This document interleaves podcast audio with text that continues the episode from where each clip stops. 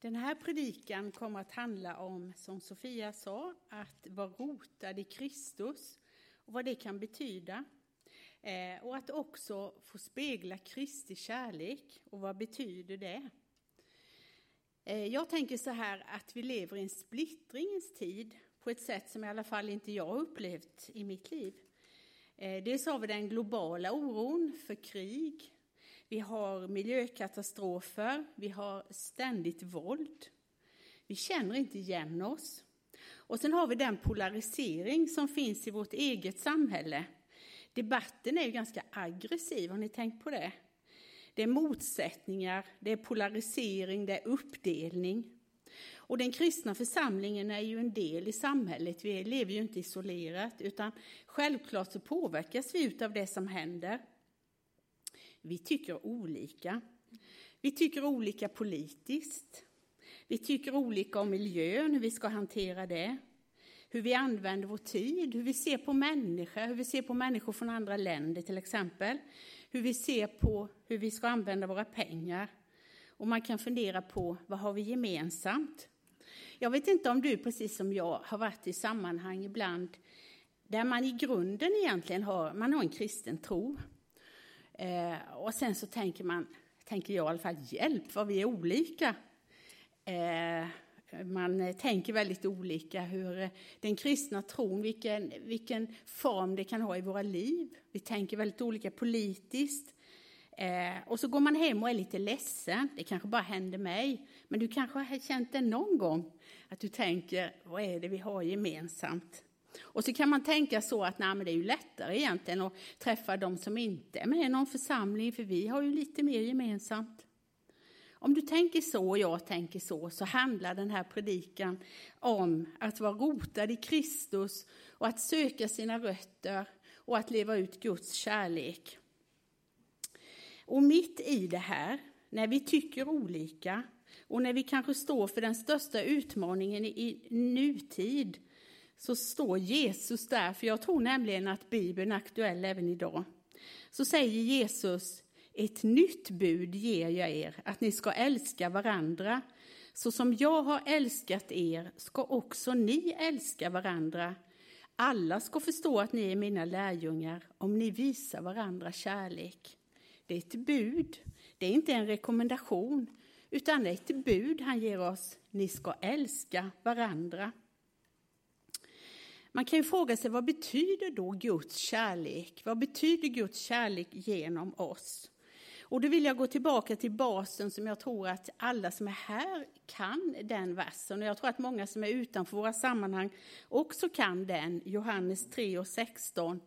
Ty så älskade Gud världen att han gav sin enfödde son för att var och en som tror på honom inte ska gå under utan ha ett evigt liv.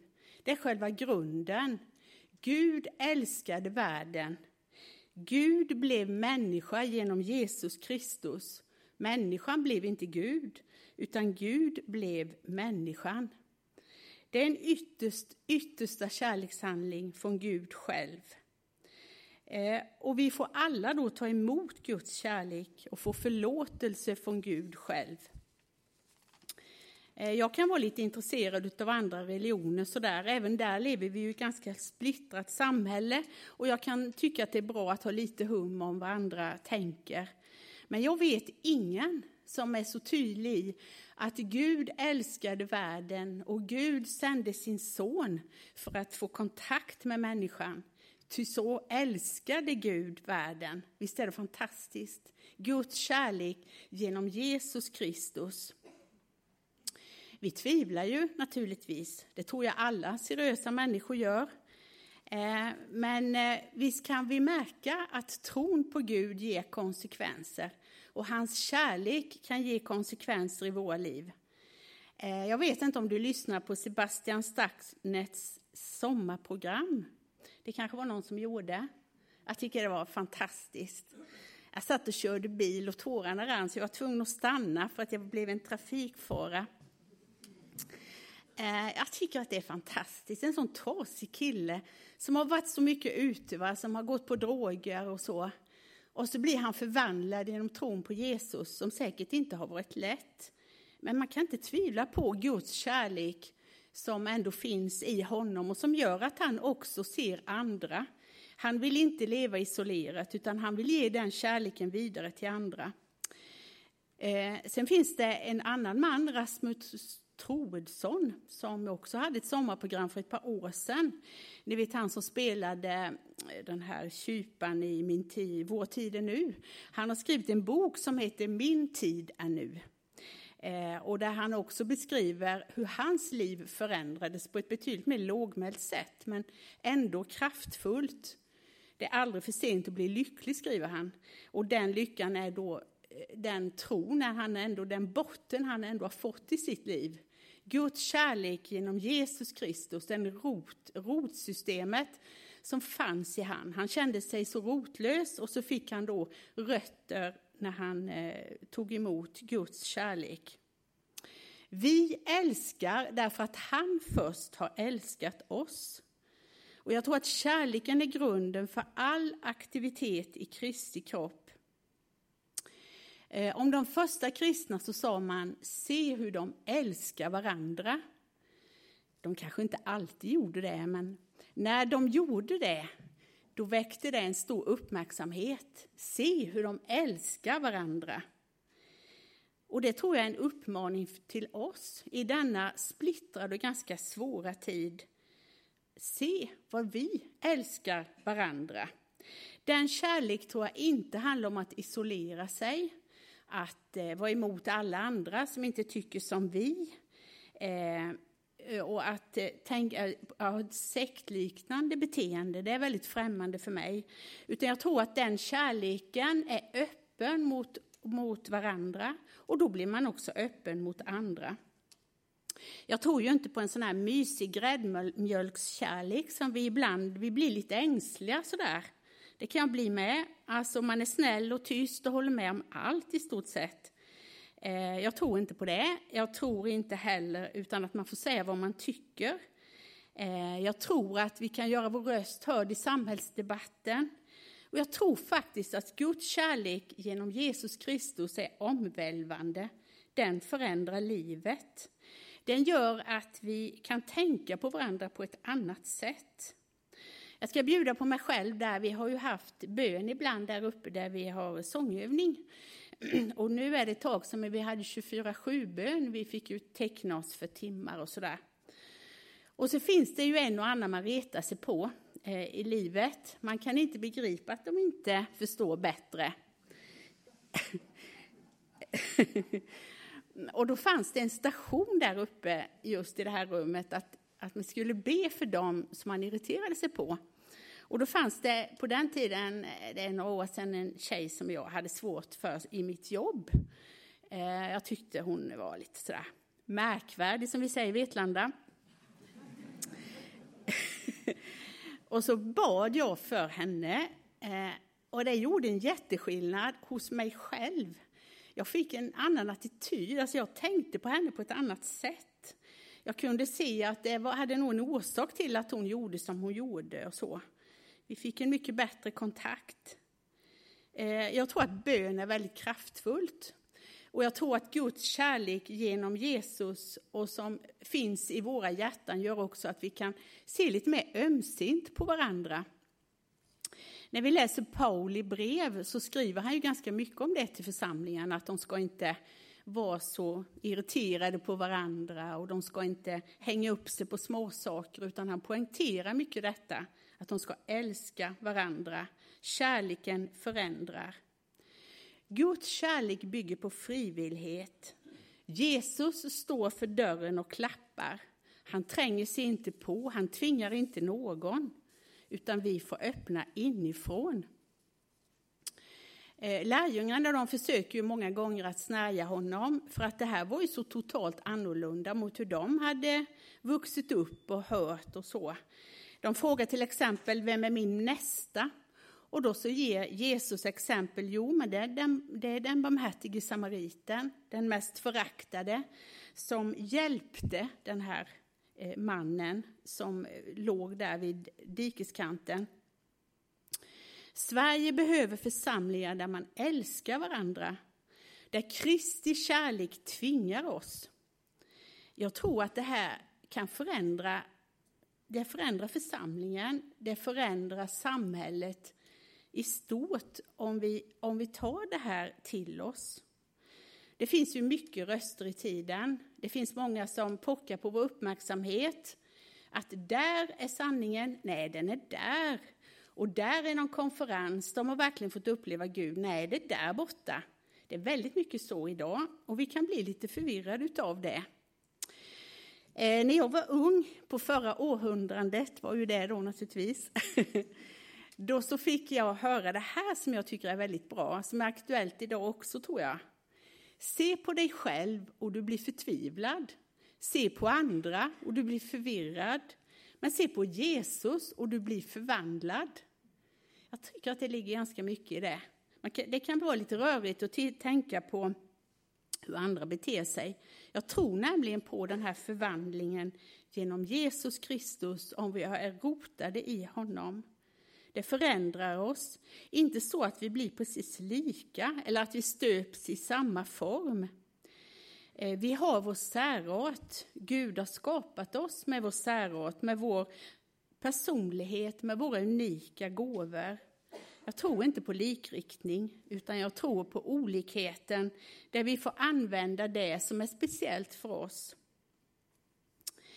Eh, vad betyder det då att vara stadigt rotad och grundad i honom som utgår från den här texten i Fesebrevet?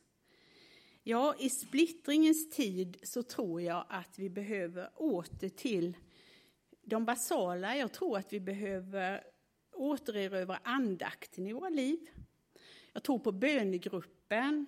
Jag tror på att vi ber för varandra. Jag tror också att vi, eh, att vi, att vi träffas allt mer i de här små grupperna där vi på många sätt kan dela vår tro och även våra tvivel. Eh, för att det är ju så att det finns mycket svårigheter. Och i bönen så kan vi ändå uppleva att mörker behöver inte råda där nu ångest råder. Eh, jag har verkligen fått möta mycket kärlek i den här församlingen, det måste jag säga. Det är lätt att vi glömmer, vi kanske kritiserar, men jag har fått uppleva mycket värme här. Som bara idag när jag skulle predika så fick jag ett par kramar, bara en sån sak. och jag tycker om den här mångfalden av människor. Vi är lite olika åldrar, vi har lite olika stil kanske. Eh, men vi behöver ju också här komma vidare i vår församling, precis som alla levande organismer behöver för att inte stå still. Jag tror att vi behöver bli öppna för människor som inte brukar gå hit, som inte är vana vid vårt sätt att eh, vara kanske.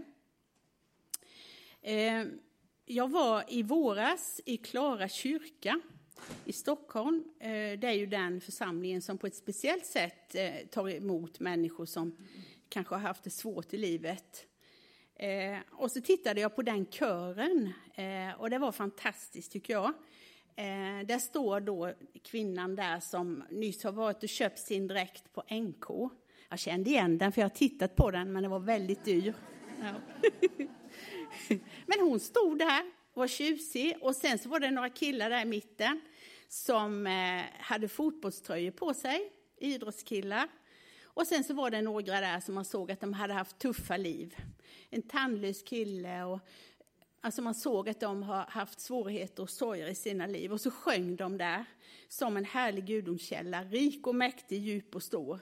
Jag tror att det kan vara en bild av den kristna församlingen, där vi får komma precis som vi är, där vi är olika.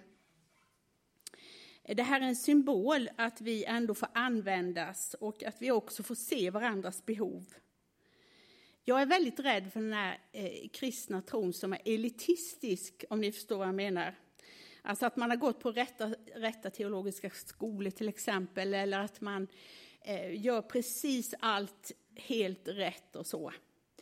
Eh, det är en fara att vara på det sättet. Jag tror ju mer på den här med olikheten och att vi har vår fokus i Jesus Kristus. Eh, det står ju i första Korinthierbrevet 12 står det om andliga gåvor. Och jag tror inte att det är en till, tillfällighet att första Korinthierbrevet 13 belyser det kärlekens lov. För om vi har hur mycket gåvor som helst, om vi har mycket, så mycket förmågor som helst och vi saknar kärlek, så är det som en ekande brons, som, som en symbol som bara ljuder, som inte ger någonting. Kärleken är viktig. Och kärleken kan vi inte ha, tror inte jag, om inte vi har vår rot och grundad i Kristus. Jag ser framför mig en församling eh, där eh, den välutbildade finns, som har en central position i yrkeslivet, som kan förändra på många sätt. Jag ser också människor som inte har någon utbildning, som har däremot erfarenheter genom University of Life. Jag ser framför mig människor där livet inte har varit enkelt, där man tänker, kan jag verkligen gå på gudstjänst så som jag ställt till det? Jag ser människor framför mig som är i olika åldrar, där vi ser den som är över 80 och 90 år och är intresserad av erfarenheten. Men jag ser också den här killen i keps som blir frälst på ett tonårsläger och som inte riktigt känner igen sig, men lovsång gillar han. Och låt honom då få hålla på med det. och låt oss vara öppna för det. Jag tror på olikheten där. Eh, jag tänker att eh, jag skulle också vilja beskriva Paulus som en eh, som verkligen är en förebild på många sätt. I Fesebrevet här, där vi läste att vi ska vara rotade och grundade i Kristus, som Paulus skrev. Eh, han satt ju då i arrest, tror man, under tiden han skrev i och han levde inte så länge efter det. Han blev ju avrättad. Paulus han var en eh, väldigt nitisk person. Han var väldigt eh, troende i den gamla tiden. Alltså han var ju farisé då. Han läste lagen, han läste buden och han var en trogen jude i sin tro där. Så kom Jesus och han var ju väldigt provocerad av det. Eh, därför att det stämde ju inte med hans världsbild. Eh, och han, eh, den kristna församlingen växte, de som då trodde på Kristus, och då förföljde han dem. Han var ju med när Saulus, den första martyren, eh, dog. Då var han med och tittade på det och tyckte att det var väldigt bra. Det var ju helt okej, okay, därför att det här var ju människor som inte trodde på ett rätt sätt. Va? Så att det var ju bra. Han skulle fortsätta förfölja de kristna i sin rättrogenhet. Han trodde att han gjorde rätt. Och så upp, så blev den uppstående Kristus, Kristus visar sig för honom när han är på väg till Damaskus och han blir fullständigt golvad. Ni kan ju läsa om det här Apostlagärningarna 9, det är väldigt intressant. Han blir fullständigt golvad, hela hans liv blir förändrat. Och istället då för att vara nitisk mot de kristna så blev han nitisk för. Han var säkert en väldigt engagerad människa. Och i dagens mått hade han nog en hel del bokstäver i sin personlighet tror jag.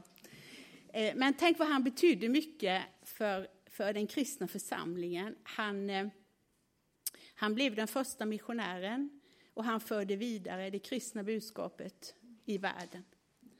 Eh, så att han blev förvandlad och han hade sin, sina rötter i Kristus. Jag vill avsluta med att läsa ur den här boken om tröst som Olle Karlsson har skrivit. Eh, det finns allt för få platser att gå till för att få vårt andliga behov tillfredsställt. Sammanhang där vi kan finna gemenskap och växa tillsammans med andra. Det låter kanske inte så tjusigt, men för mig är det just detta att vi får träffas och vara precis som vi är. Församlingen är en stor självhjälpsgrupp kring dessa frågor. Och det var faktiskt så den kristna rörelsen startade en gång för 2000 år sedan. Med en grupp ganska hopplösa, tröstlösa och instabila individer som började hjälpa varandra att finna tillvarons djupare svar och att söka Jesus Kristus, att söka rötterna. Sök dina rötter och låt Guds kärlek få ge konsekvenser i ditt liv. Vi ber tillsammans. Jag tackar dig Jesus att du har gett oss Jesus, att du har gett oss den kärleken. Och jag tackar dig för att vi får tro på den. Jesus, låt oss här få bli en församling där man kan säga att se hur de älskar varandra. Jesus, hjälp oss att trots att vi tycker olika, att vi ändå får ha våra rötter hos dig, Herre. Och hjälp oss att kunna vara ljus, inte bara för varandra, utan också för andra människor. I ditt namn. Amen.